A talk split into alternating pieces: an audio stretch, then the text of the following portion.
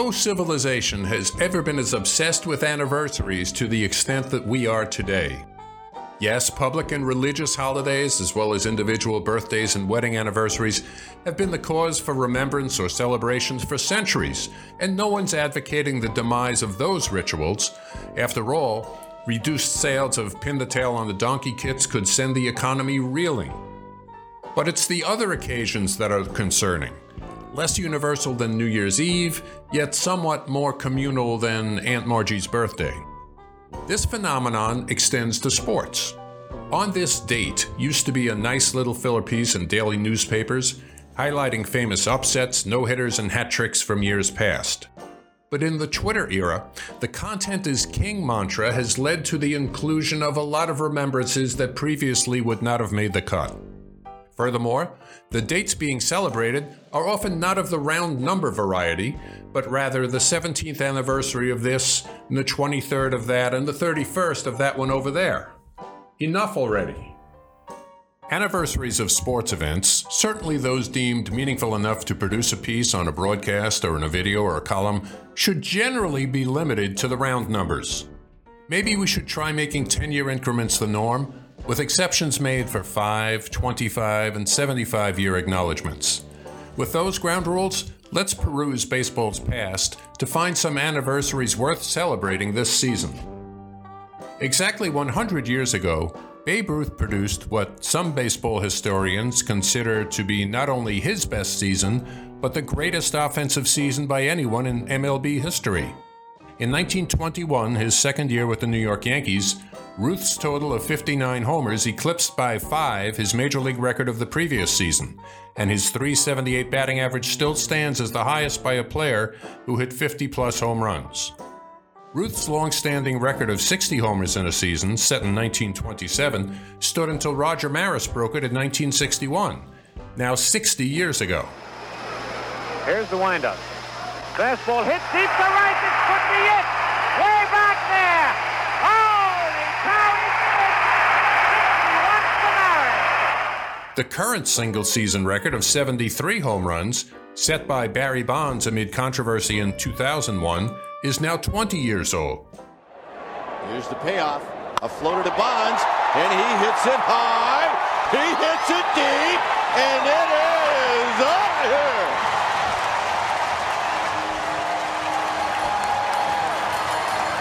Number 73. And the standard for great pennant races and explosive endings is still the one that gripped baseball fans 70 years ago when the New York Giants overcame the Brooklyn Dodgers lead of 13 and one half games, forcing a best of three playoff to determine the National League title. In the decisive third game, the Giants trailed 4 to 1 in the ninth inning, only to rally for the win on Bobby Thomson's three run homer, the shot heard round the world. Up there swinging. Branca throws. There's a left back. It's going to be, I believe. The Giants won the pennant. The Giants won the pennant. The Giants won the pennant. The Giants won the pennant. Bobby Thompson hits into the very back of the left field stand. The Giants won the pennant, and they're going crazy. They're going crazy. So years ending in a 1 have furnished their share of baseball memories and then some. Still, there's one such year not yet mentioned that leads the list.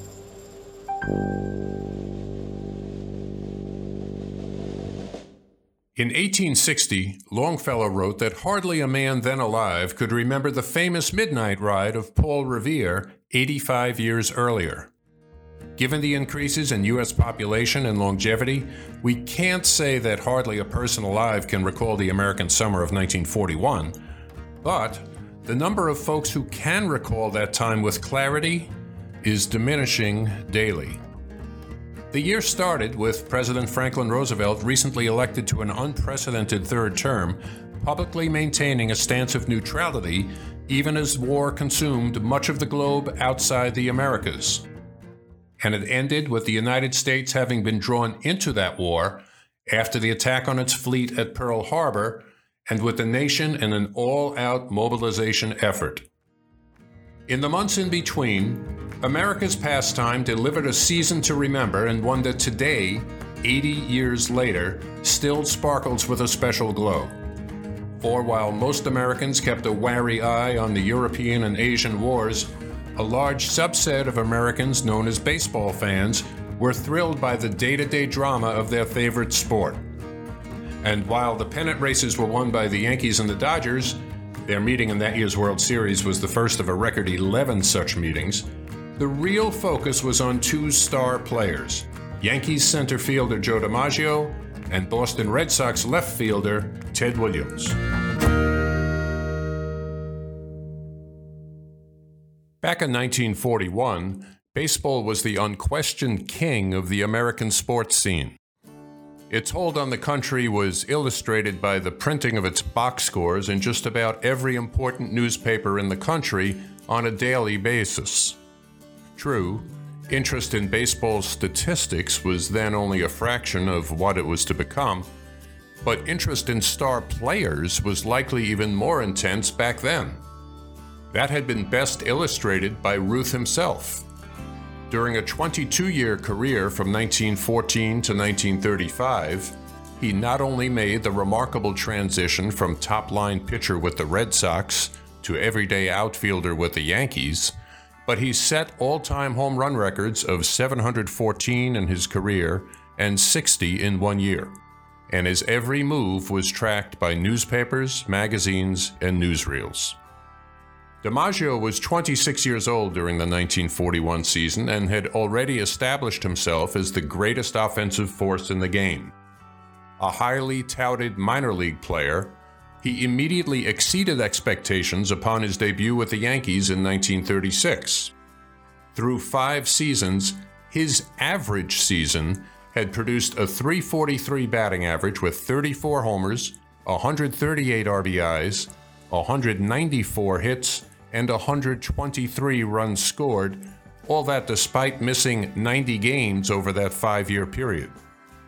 DiMaggio still owns the major league record for RBIs over a player's first five seasons, and not incidentally, the Yankees won the World Series in each of his first four years with the team. Williams joined the Red Sox at age 20 in 1939 and posted numbers nearly as impressive as those of his fellow Californian. Over his first two years, Ted maintained a 336 average while averaging 27 homers, 129 RBIs, 189 hits, and 133 runs scored. And he also possessed a discerning batting eye, averaging over 100 walks per season en route to a career total over 2,000. But while DiMaggio and Williams were extraordinary power hitters, both men were disadvantaged in that regard by the home parks in which they played. DiMaggio played in cavernous Yankee Stadium, where home run distances to left and left center field, where a right handed batter such as Joe D would hit most of his long balls, they were mammoth, while right field offered an inviting short porch to lefty hitters. Williams, a left handed hitter, played at Fenway Park, where the distances to right and right center field were similarly unyielding to home runs, while left field offered the looming presence of the Green Monster, an inviting 37 foot high wall. Nevertheless, DiMaggio finished his career with 361 homers, although only 148 were hit at Yankee Stadium, while Williams knocked out 521, only 248 of which were hit in Boston. However, while Williams hit a major league leading 37 homers and DiMaggio 30 in the 1941 season, in that year, their home run totals were not the particular focus of fans nationwide. Rather, it was their accumulation of base hits that brought them glory and daily attention. For in that same season, DiMaggio put together a fabulous streak of making at least one hit in each of 56 consecutive games, while Williams fashioned a season's batting average of 406. A hitting streak is a strange bird when it comes to baseball statistics. There are certainly other stats that have greater ability to identify the most productive seasons or parts of seasons in baseball history. But not everyone is a baseball scientist. The concept of a hitting streak is so easily grasped that it has appeal for even the most casual of fans and therein lies its importance. Moreover, that the streak is on the line every day brings another level of interest. The closest thing might be the inning by inning interest generated by a potential no hitter, but of course, that's limited to a single game. For years now, sports radio debates have chewed over which achievement, DiMaggio's 56 game streak or the 406 average achieved by Williams, would be more likely to be equaled or surpassed someday, and which is more meaningful. Joltin' Joe's streak easily surpassed all similar efforts. He chased down the prevailing record for a hitting streak within one season, 44 games, and the record for a streak without a single season restriction, 45 games, both done by Willie Keeler in the 1890s. In the years since Joe set that standard, the most national attention given to a hitting streak came when Pete Rose put together a 44 game run in 1978. Meanwhile, Williams still stands as the only player in the past 90 years to bat 400 or better in either the American or National League. The highest averages in either of those leagues since 1941 were 390 by George Brett in 1980 and 394 by Tony Gwynn in 1994, a season that was shortened by a player's strike. But had someone asked you in April of 1941 who would be more likely, Williams or DiMaggio, to hit 400 for that season? Chances are the choice would have been the Yankee Clipper, who at the time was also considered the greater and more famous player. In addition, Williams had broken a bone in his ankle during spring training and didn't make his first start until the Red Sox sixth game of the season on April 22nd. Remarkably, by then, DiMaggio was batting 528 with 19 hits and 36 at bats, and he had already hit four homers and had 14 RBIs in only eight games. Williams sat out a few more games after his first start, then went 2 for 13 over a three game stretch shortly after his return.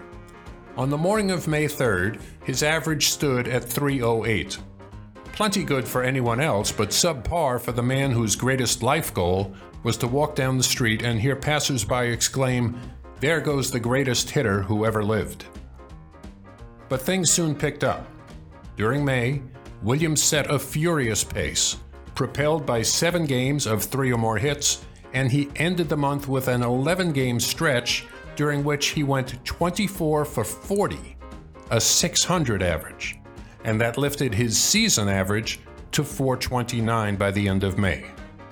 DiMaggio, meanwhile, had cooled off significantly following his torrid start. Remember that 528 batting average over his first eight games of the season?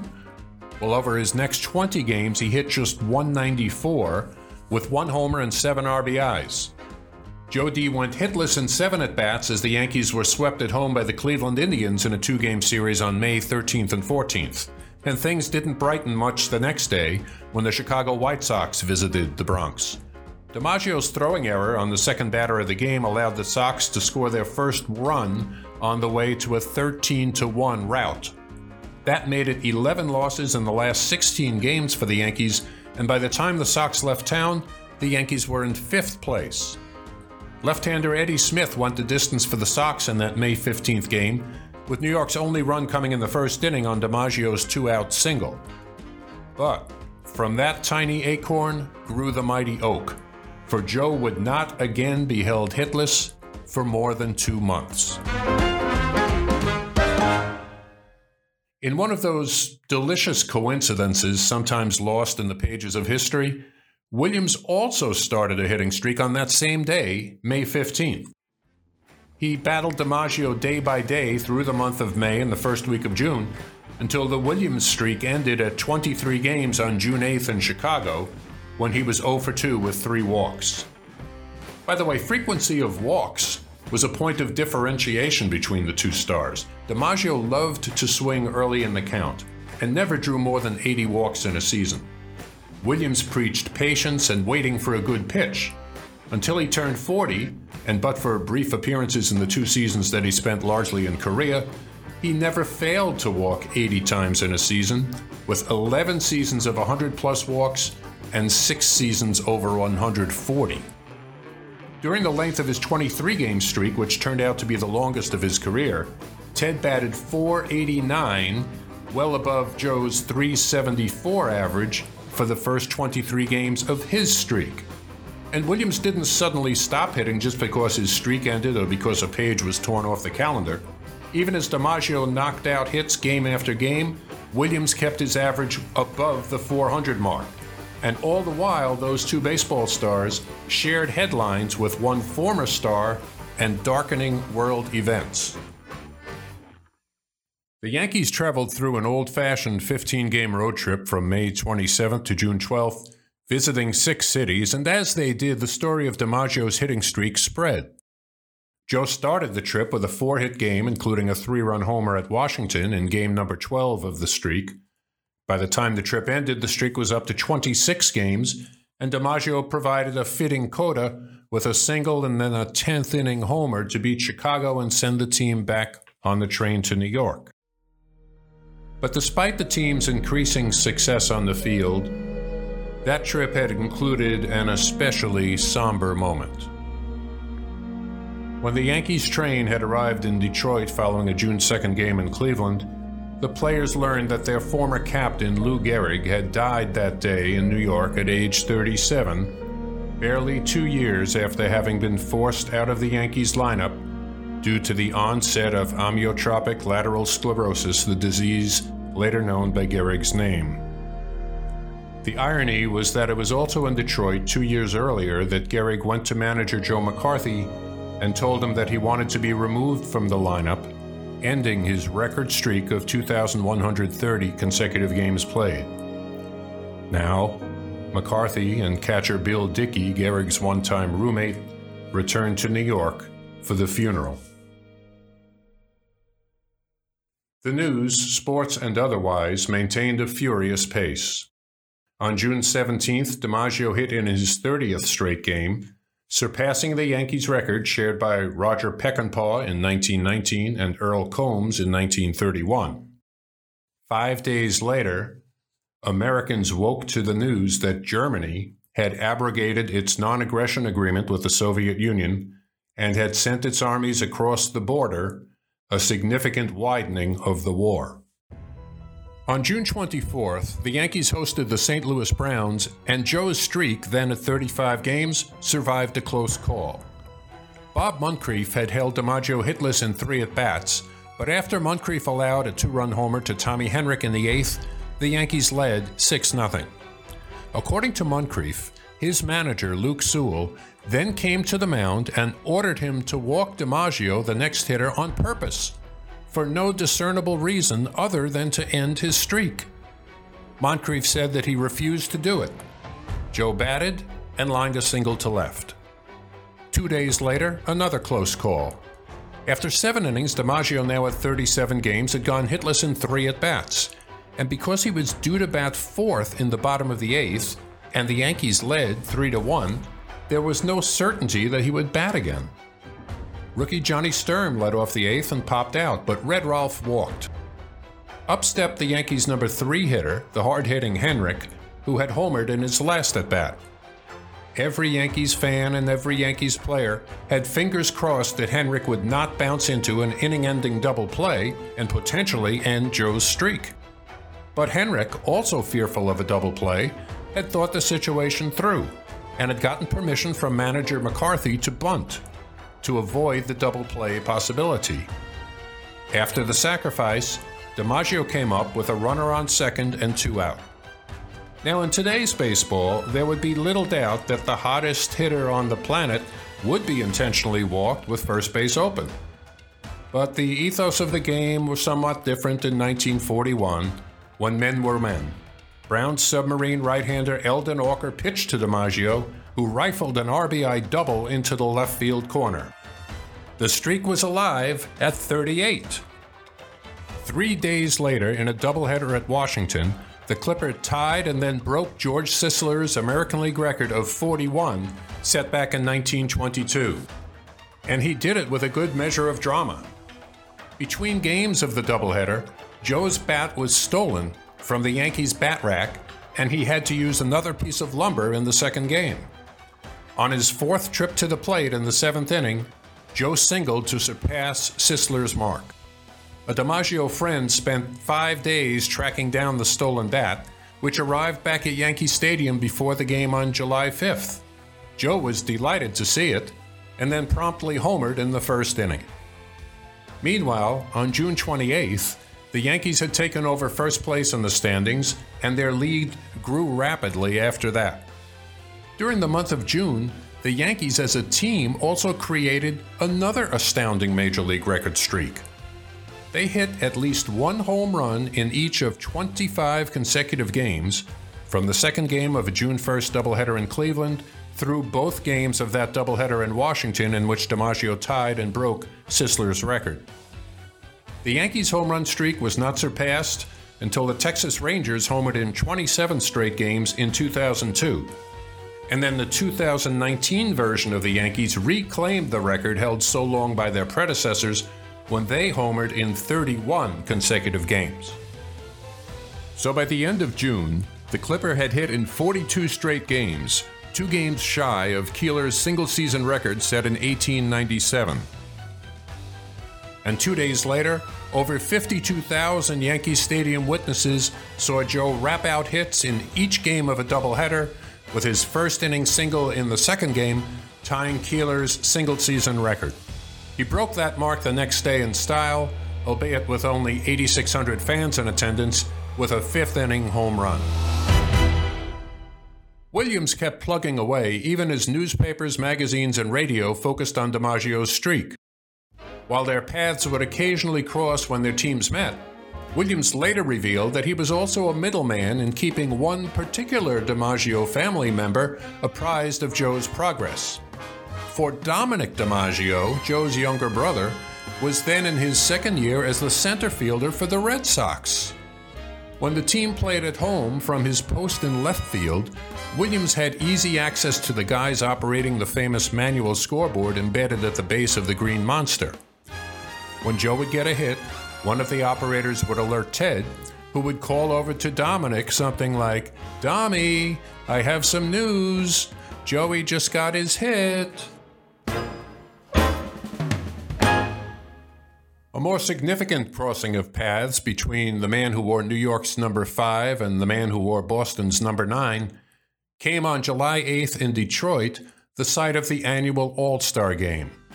The event had been created eight years earlier as an adjunct to the Chicago World's Fair and was greeted by Depression era fans not as a pleasant sideshow, but as a serious battle between the leagues. And the players and managers felt the same way. Sure, there were some special All Star game rules limiting how many innings pitchers could throw, but unlike today's version of the game, when it seems that the goal of each manager is to cram as many names into the box score as possible, back then, both leagues were in it to win it, and the game's biggest stars would play all nine innings. There were no bigger stars, of course, than DiMaggio with his ongoing hitting streak then at 48 games, and Williams then hitting 405. They batted third and fourth in the American League lineup and played the full game. Williams supplied an RBI double in the fourth, and DiMaggio doubled and came home on brother Dom's hit in the eighth. But the National League led 5 to 3 heading into the bottom of the ninth. With one out, two hits and a walk filled the bases for Joltin' Joe, who wrapped what looked like a game ending double play ball to the shortstop. But the throw by the pivot man, second baseman Billy Herman, pulled the first baseman off the bag, and Joe was safe as a run scored. Now trailing 5 to 4 with two out and two on, Williams came up to face the Cubs' Claude Passeau, who had slipped a third strike past him in the previous inning. This time, Ted belted one long and far into the upper deck in right field and laughed and clapped his way around the bases to give the American League a 7 5 victory. As a measure of the importance with which the All Star game was then regarded, Williams often cited this home run as the greatest hit of his career. Passeau pitches. Williams swings. There's a high drive going deep, deep. It is a home run against the tip top of the right field stand. A tremendous home run that brought in three runs and turned what looked to be a National League whip into an American League 7 to 5 win.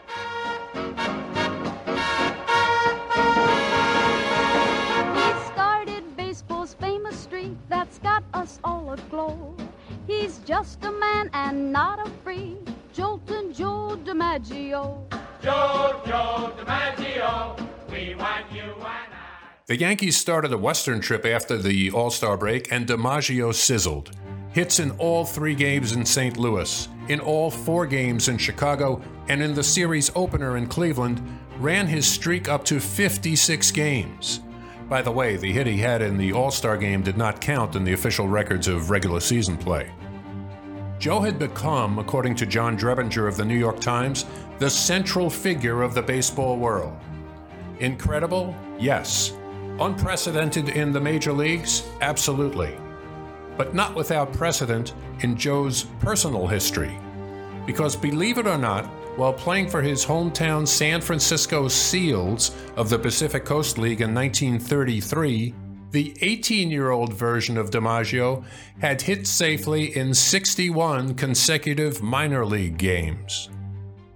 Night games were still rare in Major League Baseball in 1941, with limits placed on how many after dark contests each team could host.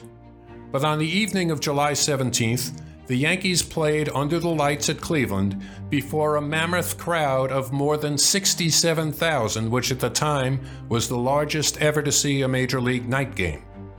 In the first inning, Joe's hard smash to third base was backhanded near the foul line by Ken Keltner, who threw him out. Joe drew a full count walk in the fourth, and then in the seventh, Keltner again thwarted a bid for a hit on another hard grounder. In the eighth, with the Yanks leading 4 to 1, DiMaggio came up with the bases full and one out as Jim Bagby replaced starter Al Smith on the mound. We started a little bit of a rally one inning, and uh, they brought in Jim Bagby, a relief pitcher, and there was a man on first base, and I was at bat with one out, and I hit a ball to the left of Lou Boudreau, who was managing the ball, club, who was playing shortstop. And uh, as going to field the ball, the ball took a bad hop, and he got his glove up in time and threw to second base and completed the double play. And it would now take a miracle for DiMaggio to get another turn at bat. But in the bottom of the ninth, it looked as if a Cleveland rally might give DiMaggio another shot. A pair of singles and Larry Rosenthal's triple produced two runs before a man was out, and the Yankees' lead was cut to 4 to 3. The subtext was on everyone's mind. Should Cleveland tie the game but not win it in the ninth, the Yankees would hit in the 10th, and DiMaggio would be due up fourth with a chance to extend his streak. Yankees relief ace Johnny Murphy induced the first out on an infield grounder with Rosenthal holding third. When the next hitter, Clarence Campbell, tapped back to the mound, Rosenthal tried to score, but was caught in a rundown and eventually tagged out. But the batter Campbell failed to advance to second during the rundown, which meant that with lefty hitting Roy Weatherly coming up, first baseman Sturm played close to the base, holding Campbell on. So Sturm was in the perfect spot to field Weatherly's sharp grounder down the line for the final out. Had Campbell advanced to second on the rundown, Sturm would have been playing off the line and might not have reached Weatherly's hot shot. Then Joe might have had another shot in the 10th inning. But instead, it was over. It was finally over. The Yankees won the game 4 to 3 and moved to a 7-game lead in the standings. But DiMaggio's streak had ended at 56 games. One game too soon. Joe later told teammate Phil Rizzuto that had he reached 57 games, Heinz would have paid him $10,000 for an endorsement of its popular Heinz 57 brand.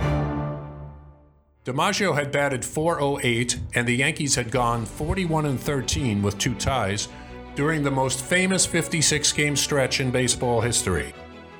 Then, the day after being blanked in Cleveland, he initiated a new 16 game hitting streak during which he batted 426. So think back to the July 17th game in which the streak ended.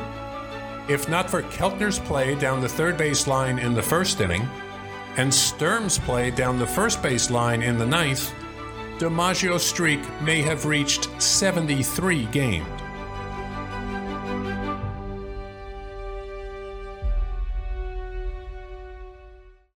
Meanwhile, as Williams was savoring his game ending homer in the All Star game, little did he know that his next hit wouldn't come for 12 days.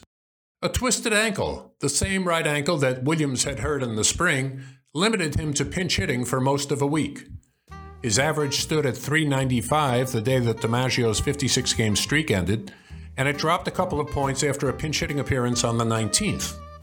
But when he belted a three run pinch homer in St. Louis on July 20th, it foreshadowed a return to the starting lineup and a return to bashing American League pitchers. It was the first of Ted's 19 hits in his next 35 at bats, and just like that, his average stood at 412 to DiMaggio's 381 on the evening of August 2nd, the last day of Joe's 16 game streak. Their batting averages would not again stand that close the rest of the season. DiMaggio had already captured his prize, the longest hitting streak in Major League history, but Williams was still in pursuit of his. A 400 average had not been achieved in either the American or National League since the Giants' Bill Terry batted 401 in 1930. No American leaguer had hit 400 since the Detroit Tigers' Harry Heilmann finished at 403 in 1923. Each of those players, however, reached 400 with a significant advantage over Williams. From 1908 to 1930, Major League Baseball's scoring rules contained the sacrifice fly rule, by which a batter would not be charged with a time at bat, and so his batting average would not fall, if his fly out resulted in a base runner scoring. In the last five of those seasons, from 1926 to 30, the rule was even broader. Any advance of a base runner on a flyout, including from first to second or from second to third, exempted the batter from a time at bat. Following the 1930 season, in which the overall major league batting average was 296, the highest in any season since 1900, the leagues eliminated the sacrifice fly rule completely. It came back in its original form for one season, 1939, before it was eliminated again. Then it returned for good in 1954. But it was not in effect in 1941. And what this meant for Williams is that the math of the scoring rules made it much more difficult for him to hit 400 in 1941 than it was for Terry in 1930 or Heilmann in 1923. In fact, in baseball's modern era, starting with the beginning of the 20th century, only one player in either league had hit 400 in a season in which the sacrifice fly rule was not in force. Napoleon Lajoie did that with Cleveland in 1901 in the American League's first season as a recognized major league. Back then, though, the rules aided Lajoie in a different way. In the American League's first two seasons, foul balls were not counted as strikes.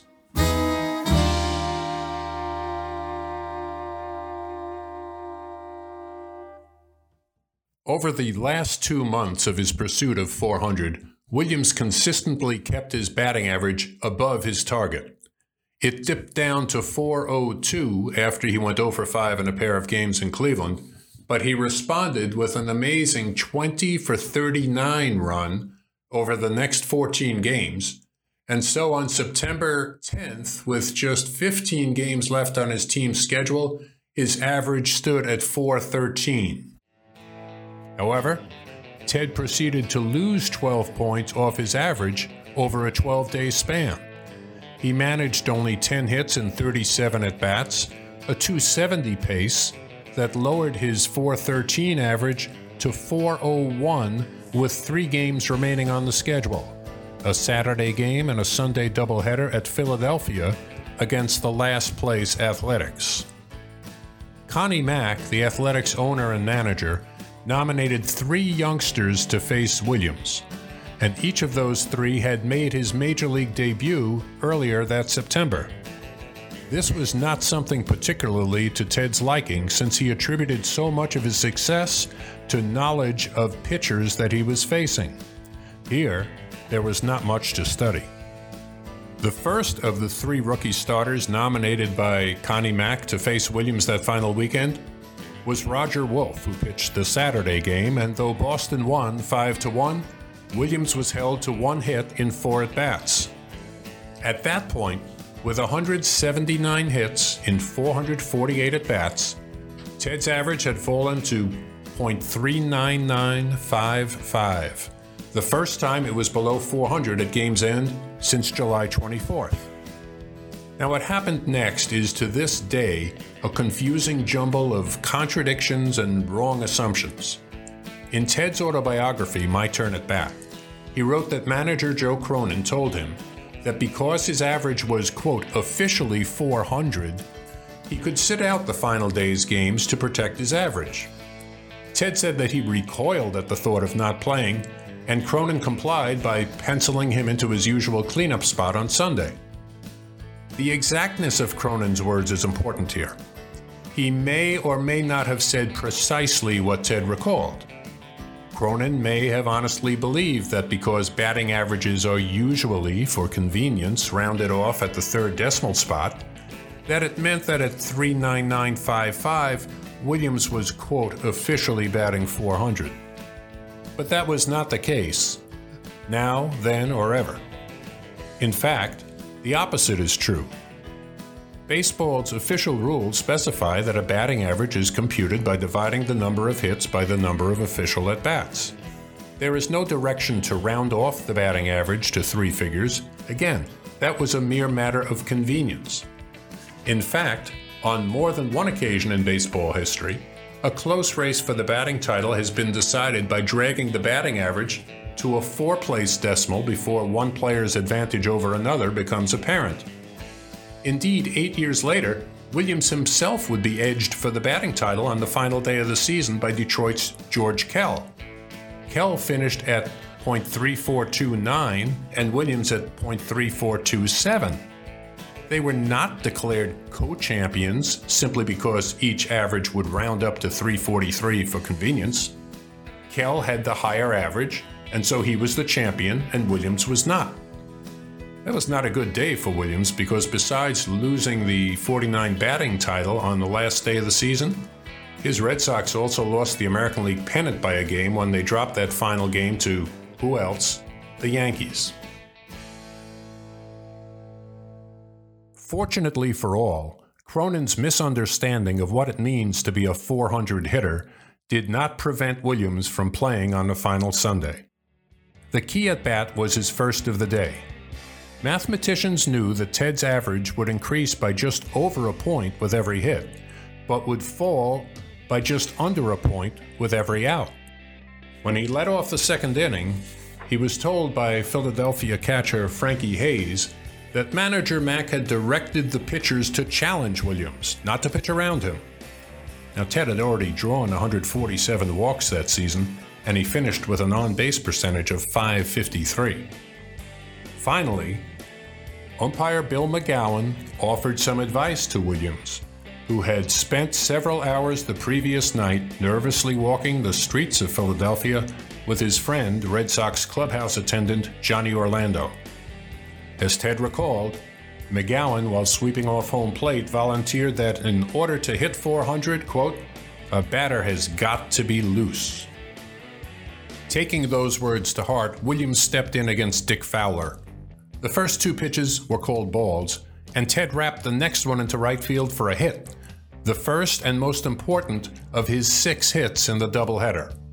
For not only did it lift his average to .40089, but it meant that Williams would not fall below 400 even if he made an out on his next at bat.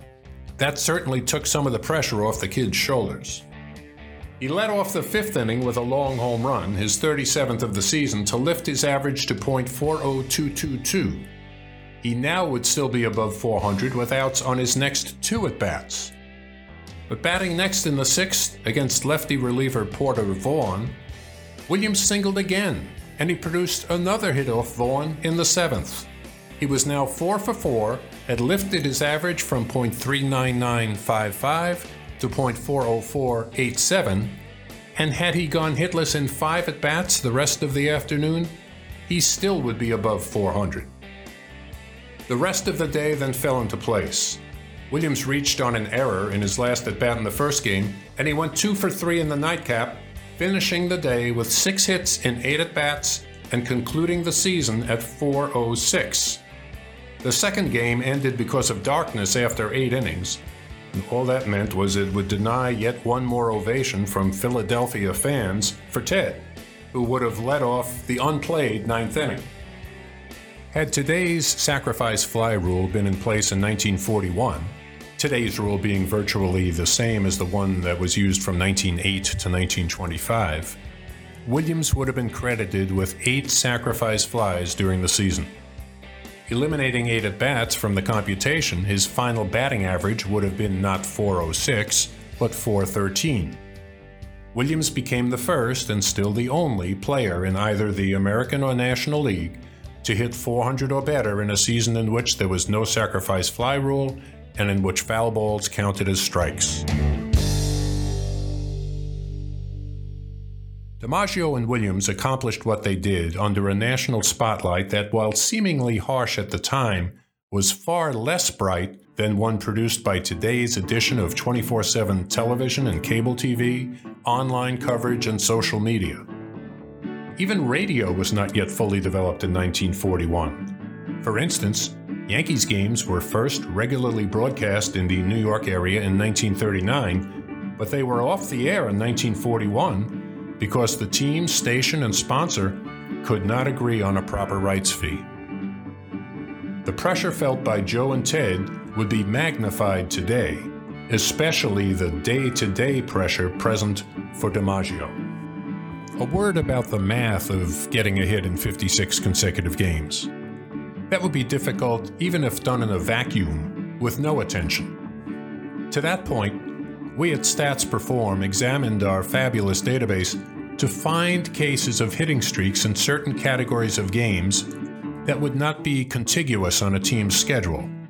Therefore, the streaks might escape general attention. For example, hitting streaks in home games or road games, games played against a certain team, or in games played in a particular month or on a particular day of the week, or since 1969, games against divisional or non divisional opponents. During what baseball likes to call its modern era, and only in baseball does that term mean since the start of the 20th century, in none of those subcategories did we find a hitting streak as long as 56 games, even when we removed that element of day to day pressure? For example, Ted Kluszewski likely didn't know that he had a 44 game hitting streak in Sunday games during 1954 and 1955, so he produced it without the media bugging him about it every Sunday. We didn't even find a streak in any of those categories as long as 50 games.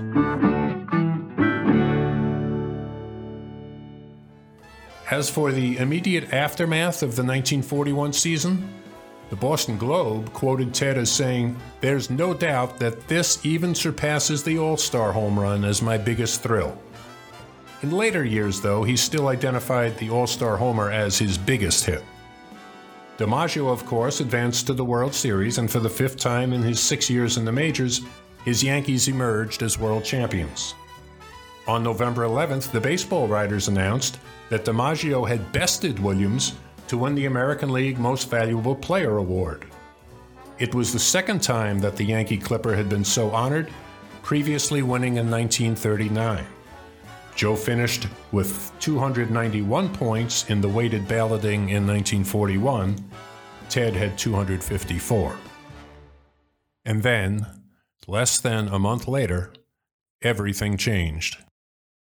Yesterday, December 7th, 1941, a date which will live in infamy.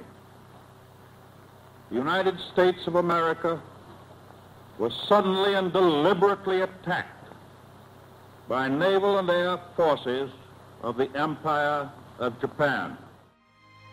The United States entered the world conflict, and all American efforts were directed toward it. President Roosevelt, in response to a question from the baseball commissioner, opined that baseball should continue during the war for purposes of national morale, though many star players would eventually be inducted into the armed services. DiMaggio and Williams did play in the 1942 season. Joe played a career high 154 games, though his figures for homers, RBIs, and batting average were all, to that point, career lows. Ted won the American League Triple Crown, leading the league in batting average, homers, and RBIs, but was somehow beaten out by another Yankees player, second baseman Joe Gordon, for league MVP honors.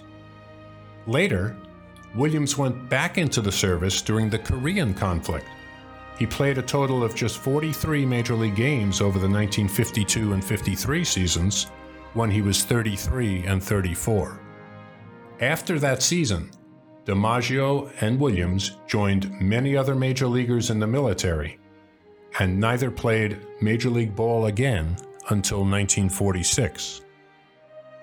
Legitimately, these were peak years missed by these great players, and there has always been speculation on the career totals that they and others would have reached without that interruption. DiMaggio missed the seasons in which he was 28, 29, and 30 years old and returned to the majors at age 31. Williams, whose birthday was in August, missed the seasons that he would have started at age 24, 25, and 26, returning at age 27. Despite that, however, their achievements written into the record books during 1941, that last year of American innocence, have proven to be indelible.